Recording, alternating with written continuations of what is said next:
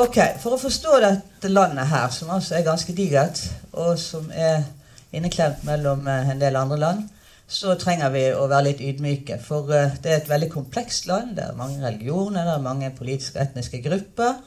Der er sosiale, utenrikspolitiske og økonomiske utfordringer. Og for eh, min del så har det vært viktig, i og med at jeg har bodd i dette landet i faktisk to år, å se utenfor den mer sånn rutinemessige mediedekningen når det dukker opp en flomkatastrofe, et jordskjelv eller et terrorangrep. For det er det vi oftest leser om når det gjelder Pakistan. Det er klart det skjer også, men det er jo litt typisk for journalistikken at det er bare når du får disse negative høydepunktene at vi får høre noe om Pakistan. Men det er veldig mye annet. Jeg bodde der først eh, sammen med mannen min og min da babysønn på slutten av 80-tallet. Eh, og dekket eh, Afghanistan-krigen, som eh, da raste 40 km fra oss. For jeg bodde i Peshawar, Pakistan. Altså i, øst, i vest, mener jeg.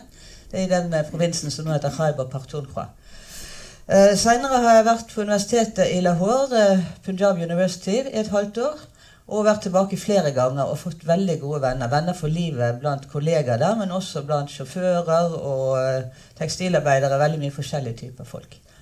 Det er store avstander mellom topp og bunn der. Norge eh, ses på som et likestilt paradis i forhold. Og det, slik ser faktisk også nåværende statsleder der, som vi skal komme tilbake til, som jeg har møtt. Yes. Men altså, dette er et land midt i verden, og det har jeg sagt fordi at det ligger jo inneklemt mellom ikke, altså Det er litt sånn geopolitisk skjebne vi kan snakke om når det gjelder dette landet her. I vest ligger Afghanistan, hvor det har vært krig i 40 år. Mange av dere var ikke født da den krigen begynte. Eh, det var da Sovjetunionen invaderte Afghanistan i 1979. Det er altså snart 40 år siden, for det var i desember. Og så har vi da på østsiden har vi eh, India. Og det er jo et stadig kilde til konflikt, for disse landene var jo ett. ikke sant? Fram til 1947 så var det ett stort Hindustan, India, som da ble delt ved frigjøringen i 1947.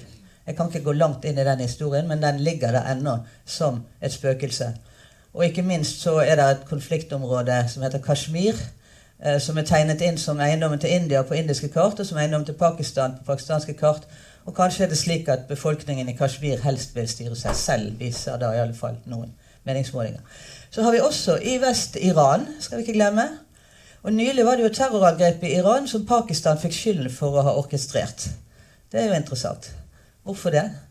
Det kan vi bare spekulere rundt. Men det er ganske mange små militante terroristgrupper i Pakistan som gjør livet veldig vanskelig for de som lever der, og som helst av alt ønsker seg fredelige tilstander.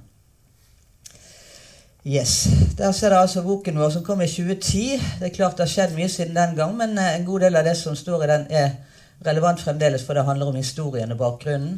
Og der er også et intervju med nåværende statsminister Imran Khan, så en kan vel si at vi på sett og vis var litt forutseende da vi intervjuet han i 2008. I en kampanjebil hvor han skulle opp i fjellene og kjempe for sitt politiske kandidatur. Så jeg satt i en bil med armene sånn inntil meg og noterte og intervjuet et bakside med brunt, køllete hår. Litt tilbakeskritt likevel. Eh, Pakistans far, Mohammed Ali Jinnah, som døde veldig raskt etter Pakistans uh, løsrivelse, uh, han uh, ble intervjuet av den legendariske reporteren Margaret Bork White, som også har reist mye i hele den regionen, og som dekket annen verdenskrig på forbilledlig vis. Og Hun spør han da hvilke planer har du for landets industrielle utvikling. Håper du på teknisk eller finansiell hjelp fra USA? Og så sier Jinnah følgende Amerika har mer bruk for Pakistan enn omvendt. Landets beliggenhet gjør det til verdens akse. Han svingte en lang, benet pekefinger i en sirkel. En akse som hele verdenspolitikken kommer til å dreie seg rundt. En kan vel ikke si at han har fått 100% rett, men noe riktig er det i det. Det han sa den gangen. Og eh, fra Jinnas spådommer til noen enkle fakta om dette landet. Jeg var inne og telte i morges, holdt jeg på å si. Der er nå nesten, ja, det er 201 millioner mennesker i dette landet. Det er fremdeles et ganske ruralt land. 40% bor i byene, altså 60% på landsbygda, som er preget av store jordeiere og ganske føydale forhold fremdeles. Videre så er det ett nasjonalt språk som er urdu. Som hvis du hører det snakket, så er det ganske likt hindi, som, de også, som et av hovedspråkene i nabolandet i øst. Men eh, de har også engelsk som nasjonalspråk. Så er det en rekke regionale språk. 77 eh, av befolkningen tilhører sunni-islam, som er altså en av hovedretningene i islam. Den samme som i Saudi-Arabia og Emiratene, f.eks. Eh, Shia-islam opp mot 20% og det er jo den religionen som er hovedreligionen i Irak og Iran. Eh, så er det altså små grupper med kristne, hinduer og andre små grupper. 3 til sammen. Og disse minoritetene har det ikke alltid enkelt. Det har vært en god del terrorangrep både mot eh, kristne kirker, og det har vært eh, terrorangrep mot sjiaer og mot eh, sunni-sufi-helligdommer. Eh, altså Sufisme innenfor eh, sunni-religionen det er jo en religion som er mer eh, liberal, eh, spirituell, hvor man ofte sånn danser for å komme opp i en transe, hvor man da kommer nærmere Gud. Man har kanskje noen av dere sett disse svirrende dervisjene som roterer rundt sin egen akse så lenge at vi ikke begriper hvordan de får det til. Eh, forventet levealder har steget de siste årene. Fra det siste tiåret med iallfall tre-fire år. Det er nå 66 år. Det er nokså likt for begge kjønn. Eh, spedbarnsdødeligheten har sunket. Det skal også sies. Den er nå på 5% Det betyr altså fem av 1000 barn dør i spedbarnsalder under ett år. Alfabetiseringsgraden har steget noe, men den er fremdeles rystende lav. 58% og mange av de som er innenfor der, er kanskje nokså nær funksjonelle analfabeter. Eh, her er det betydelige kjønnsforskjeller, f.eks. i eh, nordvest, i det som heter FATA, Federally Administrative Tribal Areas, FATA.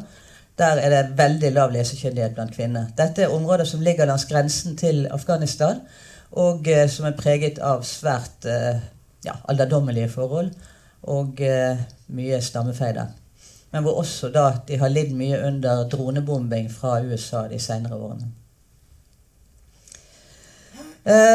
Utdanning versus forsvar har vært noe som en ofte har sett på internasjonale statistikker, at man bruker veldig mye på forsvar i Pakistan. Og nå har jeg jo vist dere den geopolitiske situasjonen, kartet, omringet av eh, India her og Afghanistan der. Så du kan si det er forklarlig, og de øker enda mer i 2019. Men utdanningsbudsjettet har også økt betraktelig etter mye kritikk fra opposisjonelle krefter. Så det er høyere nå enn det har vært på mange år. Det betyr også at underskuddet på statsbudsjettet ikke er ubetydelig. Så kommer vi til Imran Khan, og ikke det står noe annet som det er meg som har tatt bildene. Eh, bare et bilde av han her, i og med at han nå er statsminister. Men eh, det politiske rammeverket som han opererer under, og historien til dette, er jo at eh, dette har vært et land som har pendlet mye mellom demokrati og militærdiktatur. Det har vært ganske mange militærdiktatorer. Den mest kjente er kanskje Ziaul Haq, som regjerte fra 1977 til 1988. Og som da var veldig nær på USA i forhold til å eh, støtte de som kjempet mot sovjeterne i Afghanistan. Tre store partier kan vi vel regne med nå som er landsomfattende. Det er P, oh ja, stå, PMLN, unnskyld, Pakistan Muslim League Nawaz Sharif. Nawaz Sharif har vært statsminister i mange perioder. Så er det Pakistan People's Party, og så er det eh, Pakistan Terik Insaf, som altså er partiet til Imran Khan, som har eh, hatt en eh, nokså eh, stormende utvikling de siste ti årene. Som gjorde at han da altså, til overraskelsen for mange, vant valget i fjor sommer. Det er også en rekke regionale partier som jeg ikke får tid til å gå inn på, og en masse smågrupper. Eh, en del av det helt ekstreme slaget som gjør livet surt for mange i form av terroraksjoner og eh, press. Altså, de eh, utgir seg for å representere den sanne islam og utøver et veldig sterkt press på regjeringen om at de skal være mer strikte. Kommer tilbake til det. Så er det store spørsmålet for Pakistan kan noen som helst mennesker regjere uten å støtte seg på hæren og de hemmelige tjenestene? Mitt svar er et betinget nei. Det er i alle fall svært vanskelig. Og Imran Khan, før han da vant valget, ble han jo allerede utsatt for sterk kritikk for å ha alliert seg med hæren og hatt møter med de mektigste lederne for hæren og de hemmelige tjenestene. Og det hadde han nok. Og det var han kanskje også nødt til å ha. Og så er det altså ekstremistenes rolle. De har vært i vekst helt siden Afghanistan-krigen startet i 1979. De har mange navn. De er forskjellige. Noen er sterkt involvert i Kashmir. Noen var involvert i kampen mot sovjeterne i Afghanistan. Og eh, ellers så er de oftest eh, sunni-islam, har gått til angrep som jeg nevnte på kristne institusjoner, på eh, shia-muslimer og på sufi-muslimer. Og eh, også liksom mer ville angrep som har rammet ganske mange sivile. Ja. Et lite historisk rist òg. Uavhengigheten altså i 1947, ledet av Jinnah den gangen. Uløst spørsmål Kashmir. Men også i vest, noe som kalt Durand-linjen, etter Mortimer Durand, britisk eh, hva skal vi kalle han, koloniarkitekt. Som altså dro en linje mellom Afghanistan og Pakistan. Og på begge sider av den linjen så bor det pashtunere. Altså en stor folkegruppe, den største, men ikke flertall i Afghanistan, og en ganske stor folkegruppe i Pakistan. De snakker samme språk, har mye samme kultur, men er altså delt av denne Durand-linjen som går da mellom Afghanistan og Pakistan. Og noen mener jo da, altså Afghanistan mener jo da at de burde få eh, den provinsen hvor pashtunene er i flertall, mens da andre, spesielt i ledelsen i Islamabad, mener nok ikke det, for å si det forsiktig. Eh, det har vært vekslende ledere den tidlige fasen. Eh, noen demokrater, eller iallfall forsøk på demokrater, og noen med militærdiktatur. Så skal dere huske på at det interessante med Pakistan er jo at det var et veldig rart land etter eh, frigjøringen fra britisk kolonivelde i 1947.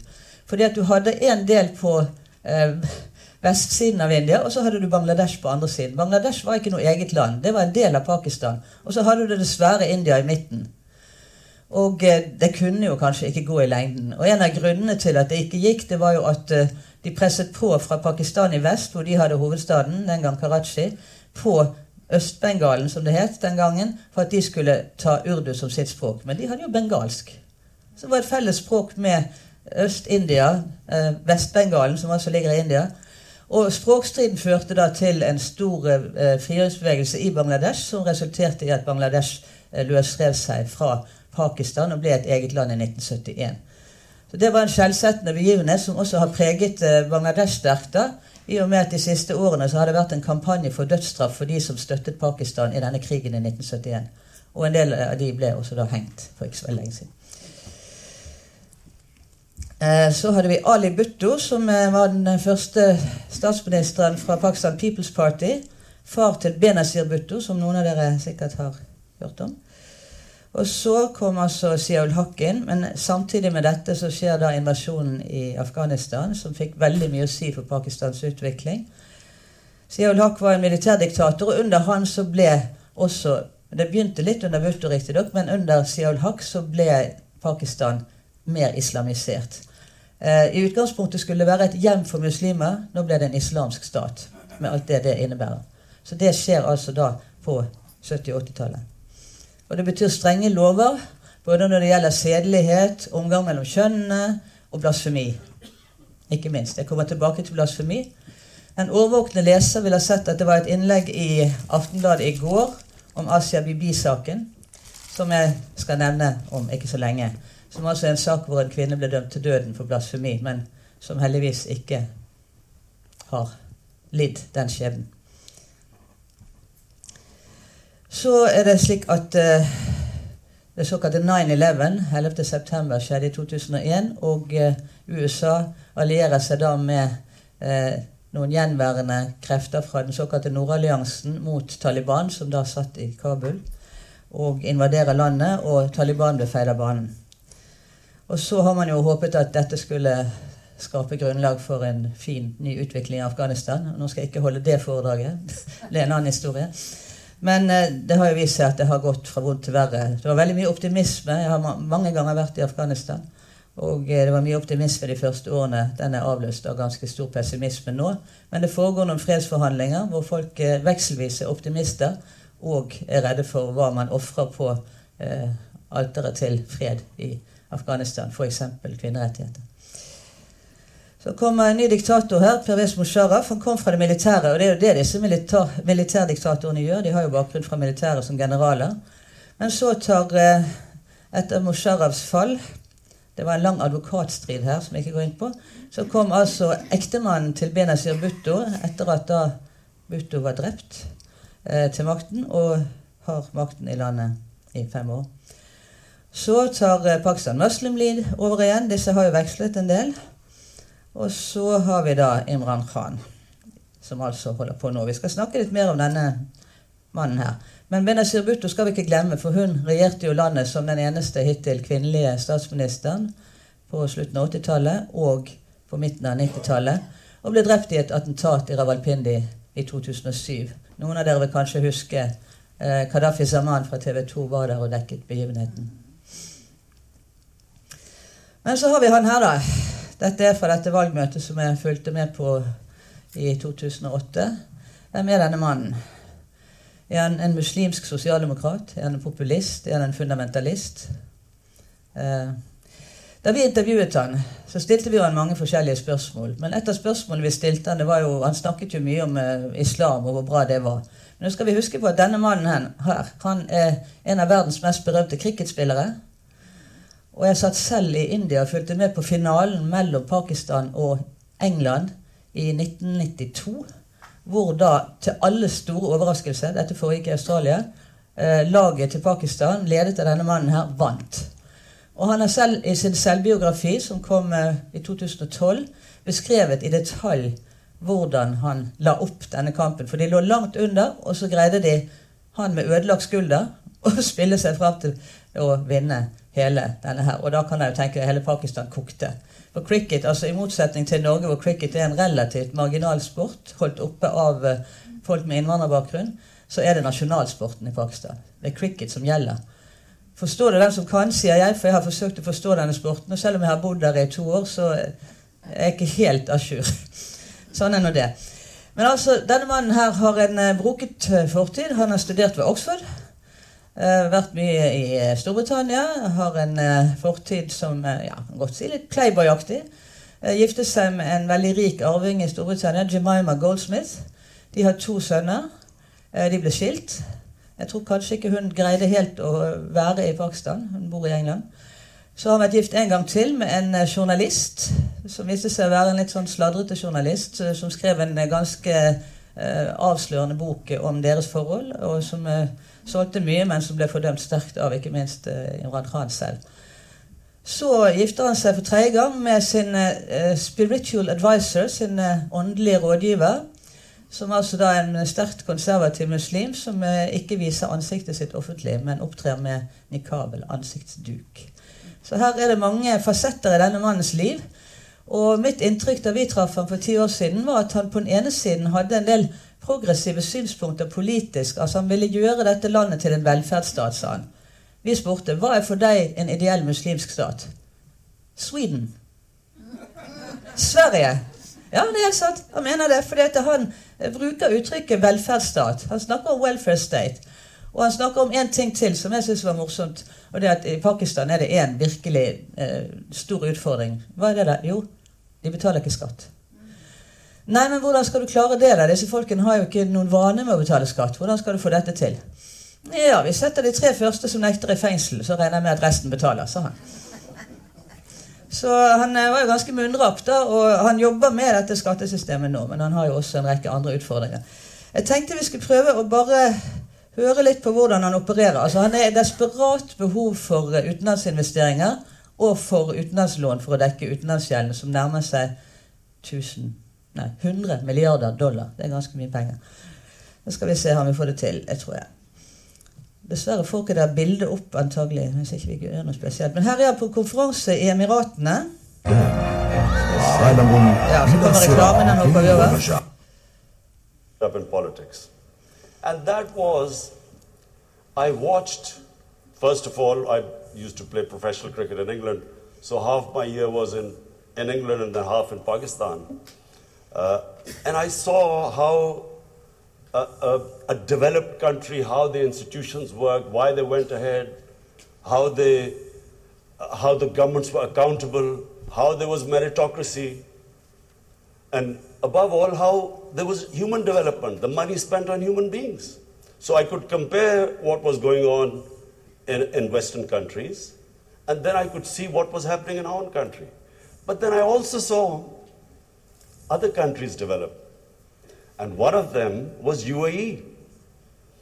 I, was, I used to play cricket in UAE from 1980 onwards. Jeg tror jeg stopper der, for her begynner han å, å smigre Emiratene og deres investorer. ikke sant? Og Han fortsetter med det. Men han, han eh, påpeker jo dette lille utsnittet dere hørte, det at han har bodd lenge ute, og så tilhører Pakistan, eh, gjør at han kan ha liksom et dobbelt blikk på eh, utviklingen i sitt eget land. Og det er litt av poenget her. Og eh, han sier mye mer om velferdsstat også. Skal vi se. Men altså, mange har også beskyldt ham for populisme. fordi han har vel kanskje lovet mer enn han kan komme over og oppfylle. Men én ting de ikke kan holde mot han, det er korrupsjon. Altså han, eh, De har ikke kunnet bevise noe som helst korrupsjonsanklager, det jeg har sett, i alle fall, mot denne mannen. Og Han trenger vel kanskje ikke det. Han er ikke spesielt rik, men han er ikke veldig opptatt av å være rik heller. Og Noe av det han gjorde da han eh, inntok regjeringspalasset, det var å si at nå selger vi veldig mange av disse luksusbilene. Vi trenger ikke de. Vi trenger de inntektene som de kan gi oss. Og jeg trenger ikke et uh, så stort palass. Vi kan bruke deler av dette her til et nytt universitet. Altså En del sånne ting som minner mer om Gandhi-retorikk. Altså Mohammed, eh, Mohandas Gandhi husker dere sikkert, han levde jo veldig beskjedent ikke sant, og var veldig mot denne storstilte rikdommen som utviklet seg blant ledere i India. Litt av det samme retorikken finner vi hos Imran Khan. Om han kommer til å holde seg der, det gjenstår å se. Men altså, Han har mange fasetter, og selvfølgelig for å vinne valget så måtte han også alliere seg med en del krefter som eh, kanskje ikke har en så eh, rent rulleblad som han eventuelt måtte ha. Og det eh, kan jo også føre til at det ikke blir så enkelt for ham. En del av hovedutfordringene til Imran Khan og hans regjering. Det første er jo da dette med beliggenheten. Eh, I denne delen av verden snakker vi mye om the foreign hand syndrome. Altså den fremmede hånden som da rigger til terrorangrep eh, eller styrer utviklingen. I Afghanistan så mener de jo at Taliban er så å si eh, oppstått i Pakistan og liksom har strømmet innover grensen. Det er klart veldig mange afghanere har også sluttet opp om Taliban, så det er jo ikke riktig. Og i Pakistan så vil jeg også si at uh, Afghanistan-krigen har ødelagt mye av det som de står for. I India, så når det skjer noe terror der, så peker de mot Pakistan. Og en del med rette, men slett ikke alltid. Og Iran har jo altså nå nettopp pekt på hvordan uh, Pakistan tror de har orkestrert et angrep i Iran. Så dette med foreign hand, altså det at det er utenlandske krefter, det har jo to sider for eh, regjeringssjefer rundt om i denne regionen. Den ene siden er jo da at de fraskriver seg ansvar for at noe sånt kan utvikle seg innenriks. ikke sant? Og det andre er at de da får eh, økt oppslutning om å øke forsvarsbudsjettene. Uh, utenlandsgjelden den er nå, altså som jeg nevnte, på 100 milliarder dollar. Det er høyt. Og det er klart at hvis ikke den går ned, så vil en vesentlig del av statsbudsjettet gå bare til renter og avdrag på utenlandsgjeld, og desto mindre til de formålene som kan komme inn under begrepet velferdsstat, som altså eh, herr Khan er opptatt av. Ekstremisme, og terrorisme, har jeg nevnt. Det er fremdeles en stor fare, men uh, andel terrorangrep er mindre enn før. Og hvilken plass skal religionen ha i dette samfunnet? Og da i første rekke sunnius islam. I en islamsk stat er det plass for skikkelige rettigheter for andre. Jeg kan jo nevne at eh, da Imran Khan satte sammen sin regjering i fjor, så innrullerte han også en minister som hadde Ahmadiyya-bakgrunn. Men ja, du nikker anerkjennende, Jorunn, og det kan du godt gjøre, men han fikk altså så mye press fra ekstremister at etter to måneder så var denne ministeren ute. Så det er jo litt av det presset som denne ekstremistgjengen kan utgjøre i Pakistan. Og det er veldig synd, for det å ha en minister fra en av de minoritetene som ikke får lov, ifølge lovverket i Pakistan, å kalle seg muslimer, eh, det ville jo vært en viktig symboleffekt. Det har jo også vært kristne ministre i pakistanske regjeringer. Kommer tilbake til det. Eh, Føydalisme, altså jordeierforholdene, er et stort problem. Og med det føler jeg også at veldig mange pakistanere er landløse arbeidere på andres jord. Og lutfattige. Og vi har også begrepet 'bonded labor' i Pakistan. Det betyr folk som er bundet til en arbeidsgiver i form av en gjeldssituasjon. Jeg har selv intervjuet flere av disse. Mange jobber i mursteinsbrennerier. Dere skal få se noen bilder.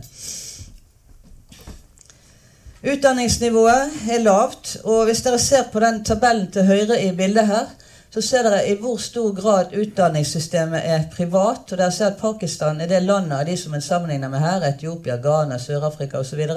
En veldig stor andel privat. Og det er også slik at lærerne er veldig dårlig betalt. Vi kan godt syte og klage litt her òg, men i Pakistan så har de mye mer å syte og klage over. Og eh, det betyr at mange av de lærerne som jobber i det offentlige skoleverket, tar seg privatlærerjobber på ettermiddags- og kveldstid for å tjene til livets opphold. Og det gagner jo de rike og er med på å øke de sosiale forskjellene. Ja, sosiale forskjeller, naturkatastrofer og klimaendringer er et stort problem i Pakistan. Altså, De varmeste dagene blir varmere. Men de har også det vi kan kalle for freakish weather, altså sånn frikete vær. Det betyr at eh, det kan komme en haglskur i mai med hagl så store som pingpongballer. Det har jeg selv opplevd. Og eh, jeg fikk en entusiastisk eh, tagging på Facebook av en venn i Pakistan som visste det snør i Lahore! Det var oppsiktsvekkende. Det skjer ikke så ofte. Korrupsjon. Uh, Transparency International utgir hvert år en liste over de mest og minst korrupte landene i verden. og Der havnet Pakistan nå sist på 117. plass. Og det er bedre enn før. De har vært nede på noen og 130, så der går det på sett og vis framover. Men det er fremdeles langt igjen når man er på 117. plass. Og jeg skal jo selvfølgelig, som professor i journalistikk, ikke i medievitenskap, men det går for det samme, nevne noe om pressens rolle. Det er ganske betenkelig, det som skjer der nå. Det er snakk om en ny medielov som eh, vi ikke helt vet hvordan blir, men den kan bli streng. Men allerede under valgkampen så, så vi hvordan TV-stasjoner ble forsøkt eh, stoppet i sine sendinger innimellom når de rapporterte kritisk. Og vi så at den store britiskspråklige, engelskspråklige avisen eh, Dawn Daggry, eh, fikk problemer med å distribuere sine utgaver. Det er en veldig lest avis blant store deler av eliten. Den er jo på engelsk, men det er også en veldig god og kritisk avis. Men det har vært store problemer med pressefriheten i dette landet, og der har de rykket nedover. Da er de altså på 139. plass av 180 på Reportere uten grenser sin liste. Dette er for 2018. Og det lover ikke bra. For et land uten en kritisk presse eh, blir fort et land med store demokratiske mangler. Utenlandsgjelden har altså steget drastisk fra 2016, hvor det var altså 70 milliarder dollar ca., til nå nær 100 milliarder dollar i januar 2019. Og det er, som jeg nevnte, en veldig stor utfordring for landet. Og med så stor gjeld så trenger man jo venner. Her ser vi hvordan en viss prins Salman fra Saudi-Arabia, som jo for mange nå er blitt ganske kjent pga. at han er anklaget for å stå bak angrepet på journalisten Jamal Khashoggi, som skjedde i det saudiarabiske konsulatet i, Islam, nei, i Istanbul. Unnskyld. Og eh, han eh, var nå nylig i eh, Pakistan på besøk og fikk da en æresbevisning. Og der ser dere altså Imran Khan står og eh, halvsmiler i bakgrunnen på dette bildet.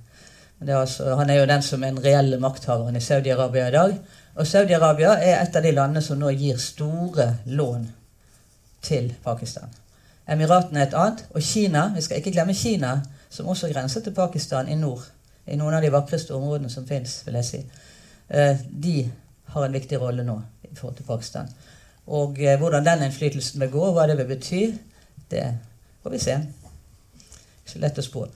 Så har vi jo forholdet til USA. Tradisjonelt så var det slik at da India og Pakistan ble til to land, så lente India seg mer opp mot Sovjetunionen. Ikke fordi de var på noen måte enige med dem helt politisk, men eh, de greide å få en slags eh, minnelig ordning med den stormakten. Mens Pakistan forholdt seg til USA og var dyrket vennskapet med USA nær. Og det vennskapet ble også styrket under Afghanistan-krigen, eh, hvor da USA sammen med pakistansk etterretning, Inter-Services Intelligence, som er den hemmelige etterretningstjenesten, eh, orkestrerte mange av de eh, motstandsbevegelsene som jobbet inn i eh, Afghanistan mot sovjeterne. Så det forholdet går langt tilbake, men var veldig intenst på 80-tallet, da Afghanistan-krigen mot sovjeterne raste som verst. Eh, og så skjedde det jo én ting, da. som, eh, altså, Man jaktet jo lenge på Osama bin Laden. Man trodde Osama bin Laden fant seg i Afghanistan. Og det gjorde han nok til å begynne med, men uh, han har nok uh, rømt unna. Og i mange år så var han altså i skjul i Pakistan. Og bodde i et ganske digert hus i Abbottabad, som ligger i grenseområdene mellom uh, Punjab og nordvestprovinsen, som den het før, nå Khyber Partunra. Der ble han altså til syvende og sist tatt og drept av USAs spesialstyrker, som kom inn med helikopteret. Og det er lagd film og dokumentar om dette, som kanskje noen av dere har sett. Men i alle fall, dette var det mange i Pakistan som ikke likte. At USA kunne ta seg til rette Og det var jo også andre som stilte spørsmålet hvordan kunne denne mannen få lov å skjule seg i vårt land uten videre. Hvem beskyttet han? Man er ikke til bunns i den saken ennå. Men han ble altså drept i Abbottabad i 2011. Og det er klart det provoserte Pakistan mye. Og fordi at det er snakk om ydmykelse av suverenitet her. ikke sant? Og dette har jo en forhistorie i og med at eh, pga. Talibans eh, grensepasseringer frem og tilbake mellom Pakistan og Afghanistan, så har USA eh, uten folkeretten på sin side dronebombet områder i Pakistan i årevis. Og med selvfølgelig en del militante ofre, men også sivile ofre. Så dette har jo skjedd lenge før drapet på bin Laden også, men fortsetter å skje. Og det går litt under radaren på norske medier. Det er klart at, eh, at, det at bin Laden kunne oppholde seg i Pakistan uten at eh, ledelsen i Pakistan De påsto iallfall at de ikke visste dette. Og det gjør jo at pilene peker mer mot uh, den hemmelige etterretningen igjen. Var det de som også holdt sin hånd over denne sjefsterroristen? Men altså, Pakistan har vært en historisk alliert også gjennom den såkalte krigen mot terror, gjennom etterretning, men det er i befolkningen, og det har jeg jo merket når jeg har vært der på gjentatte besøk, det er en dyp mistillit til USA. Og det er på grunnlag av anklager om dobbeltmoral. Dere sier dere får menneskerettigheter, men hva gjorde dere med fanger i irakiske fengsler? Hva gjør dere med våre områder som dere bomber uten å diskriminere mellom sivile og militære? Osv. osv. Alt dette her fins blant vanlige borgere i Pakistan som en sånn åpent sår, og som en vanskelig sak. Ja, Så kommer vi til islam og blasfemilovgivning. Her ser dere bilde av Asia Bibi. Men altså, Pakistan som jeg nevnte, gikk fra å skulle være status et hjem for muslimer i konstitusjonen til å bli en islamsk stat med streng lovgivning, dødsstraff for å fornærme profeten Mohammed. Og Asia Bibi, kristen dame, hun eh, gikk en dag ut for å hente vann og kom i snakk med noen muslimske damer som var ute i samme ærend. og så slengte hun med leppa litt i forhold til dem når de sa et eller annet om at du skal ikke sånn og sånn. Og så anklaget de henne for blasfemi, og hun ble dømt til døden i lokalrett. Hun ble overført til eh, sentralrett og har eh, sittet i snart ti år i fengsel. Til høyesterett i Pakistan, og det skal de jo faktisk ha benådet henne i fjor høst. I oktober. Og Det var jo et litt optimistisk skritt, for før det så hadde pakistansk høyesterett faktisk også gått ut og sagt at Riktignok forsvarer de store deler av blasfemilovgivningen, som er kanskje uforståelig for oss her. Men samtidig så sa de at nå skal det også være straffbart å komme med falske anklager om blasfemi. Og det var nytt. Og det var faktisk viktig.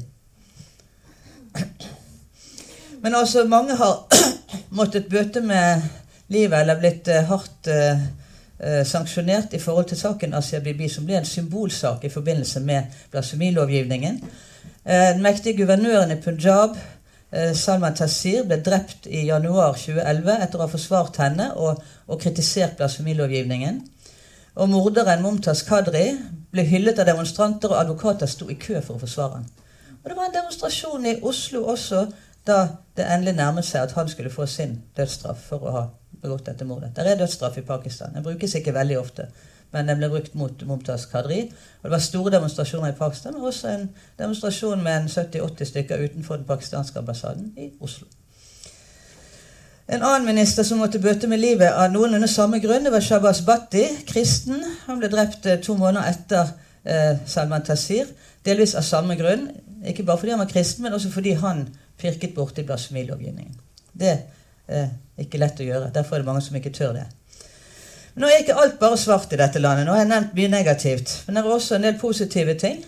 Eh, antall terroraksjoner er tilbakegang. Det høyeste punktet var i 2008. Eh, det er mange smågrupper som har erfaringer fra Kashmir, Afghanistan, Balutsjistan, men en del av de er blitt nøytralisert av smidig politikk fra regjeringens side, også Imran Khans side. Men du har fremdeles militante madrasaer, men de får mindre finansiering enn før. Altså Madrasa betyr egentlig religiøs skole. Og det er veldig mange av de, særlig i grenseområdene mellom Pakistan og Afghanistan. Uh, det er et stort hat mot eh, minoriteter, men uh, det har vært mindre av den typen hatefulle angrep de siste årene. Og denne frigjøringen, frikjenningen av Asia Bibi, er jo et tegn i tiden der. Hun skal nå være ute av landet etter at uh, statsministeren ble satt under press, for det var veldig sterke reaksjoner på at hun ble frikjent fra de mest uh, ekstreme gruppene. De satte statsministeren under press. Statsministeren sa ok, vi skal sette henne på ikke utreisetillatelse mot at dere roer dere ned. Det var jo ganske, ja, et ganske ekkelt kompromiss da, at ikke hun skulle få reise ut. Men det forlyder nå at hun har reist ut og skal befinne seg med sine to døtre i Canada, og ektemannen også. Det er flere barn enn de to, men det er to døtrene reiste først. Så det er jo et tegn til positivt. Det viktige ellers er jo at uh, i Pakistan som alle andre steder så er jo folk folk. ikke sant? Vanlige mennesker. Du møter dem på gaten, det er stor gjestfrihet. Og uh, det er en, uh, mange ulike kvinneorganisasjoner. Jeg vil ikke si en kjempesterk kvinnebevegelse, men en man, ganske mangslungen kvinnebevegelse.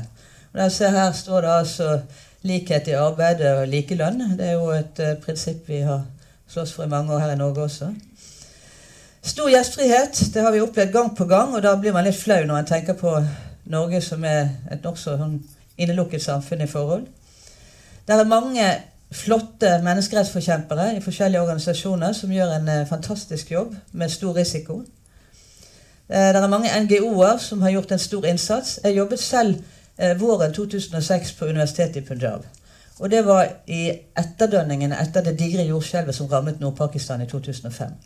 Og hva gjorde mine kollegaer der? Det er jeg stolt av å, å kunne se tilbake på. Jo, de flyttet en sånn FM-radio som de hadde som en opplæringsradio inne på instituttet, opp til Muzaffarabad, pakistansk Kashmir, hvor, som var sterkt rammet av jordskjelv. Jeg har vært der selv og sett hvordan alt var rast sammen. Og så bodde de i telt der og hadde opplysningstjeneste for lokalbefolkningen. Hvor kan dere finne hjelp, hvor kan dere finne vaksiner, hvor kan dere finne klær. Og, så og, og studentene var med og, gjorde, og drev den radioen. Sånne ting gir grunn til optimisme. Kvinnebevegelsens mangfold har jeg vært inne på. Og juristbevegelsen, altså advokatene På den ene siden da det negative at advokater sto i kø for å forsvare morderen til eh, eh Eh, på den andre siden, nei, Salman Tasir. På den andre siden da en juristbevegelse som var med å drive militærdiktatoren eh, Pervesh Musharraf fra eh, statsministerposten. Fordi at han hadde avsatt høyesterettsjustitiarius. Det skal man jo ikke gjøre i et land som, som, som dere lærer på skolen, på katedralskolen, at det skal være uavhengige statsmakter. Tre. ikke sant? Du har den lovgivende, den utøvende og den dømmende makt. Og den dømmende makt skal ikke kunne avsettes av en regjeringssjef. Og Da det skjedde i Pakistan, så ble det et stort advokatopprør. Og det advokatopprøret det drev altså Musharraf fra makten. Fagforeninger, fiskerorganisasjoner, fattige byene, mange organisasjoner rundt saker, også rundt livegne arbeidere, det har vært uh, kilder til optimisme. Jeg tar med dette bildet her av Asma Jehangir, for hun er kanskje den i Pakistan som framfor noen har stått for forsvaret av menneskerettighetene. Hun døde i fjor, omtrent på denne tiden. Og eh, det var nokså plutselig. Hun ble ikke drept på noen måte. Hun eh, døde av eh, helsen sin. Drev seg hardt, denne damen. Men hun har også i alle år stått opp som en eh, framtredende leder for Menneskerettskommisjonen til hun gikk av som det, men fortsatte på sitt advokatkontor. Der vi møtte henne en gang. Og når du ser et advokatkontor hvor det sitter en haug med barbeinte kvinner med hornete, sprukne føtter, så skjønner du at hun jobber ikke bare for de fine som kan betale. Hun jobbet også sterkt mot tvangsgifte og andre uhyrligheter som dette samfunnet ennå ser mye av. Men hennes uh, arv vil nok leve, videre. Hun har en søster som driver kontoret der, og kvinneorganisasjonene uh, lovpriser henne som et stort forbilde. Nå bare avslutter jeg med å vise noen bilder fra deler av Pakistan som jeg selv har besøkt, og som gjør at jeg stadig kommer tilbake til det landet. Fordi at uh, det er mye som ikke er på plass. Det er mye som er trist. Det har mange store utfordringer, men det er også et av de vakreste landene jeg har vært i. Og særlig nordvest og nordøst har jeg sett helt fantastiske bilder. Men her ser dere da på den ene siden fra en landsby hvor vi var på besøk, og på den andre siden ser du en ung mursteinsarbeider. Som journalist så ba jeg henne om å hjelpe meg å lage murstein. og Til eh, bestyrtelse for mine middelklassekollegaer som var med og ledsaget meg, og til stor latter for disse mursteinsarbeiderne som fikk litt avveksling i det harde arbeidet. Den mursteinen var ikke mye verdt heller, tror jeg. Uh, en ting de har i Pakistan som ikke vi har her, og som jeg har tenkt vi burde innføre på universiteter i Norge, det er sånn talekonkurranse. Det var veldig morsomt å være vitne til. Jeg hadde det på urdu, punjabi og engelsk på det universitetet hvor jeg jobbet. Og folk sto opp det ene etter den andre. De fikk et eller annet ganske latterlig tema nødvendigvis. sånn eh, Kvinner er sterkere enn menn. Argumenter for og mot. Eller lignende. Og så står de der og argumenterer. Og stor applaus, og alle har pyntet seg, og det er virkelig stas. Og gutter og jenter som jo skal forholde seg forsiktig, de flørter eh, relativt åpenlyst. Her ser dere et cricketlag i eh, Lahore. Og så hadde vi en sånn fotosafari i gamlebyen i Lahore hvor vi møtte mye gjestfriheter. Selvfølgelig. Kom inn, sett dere ned.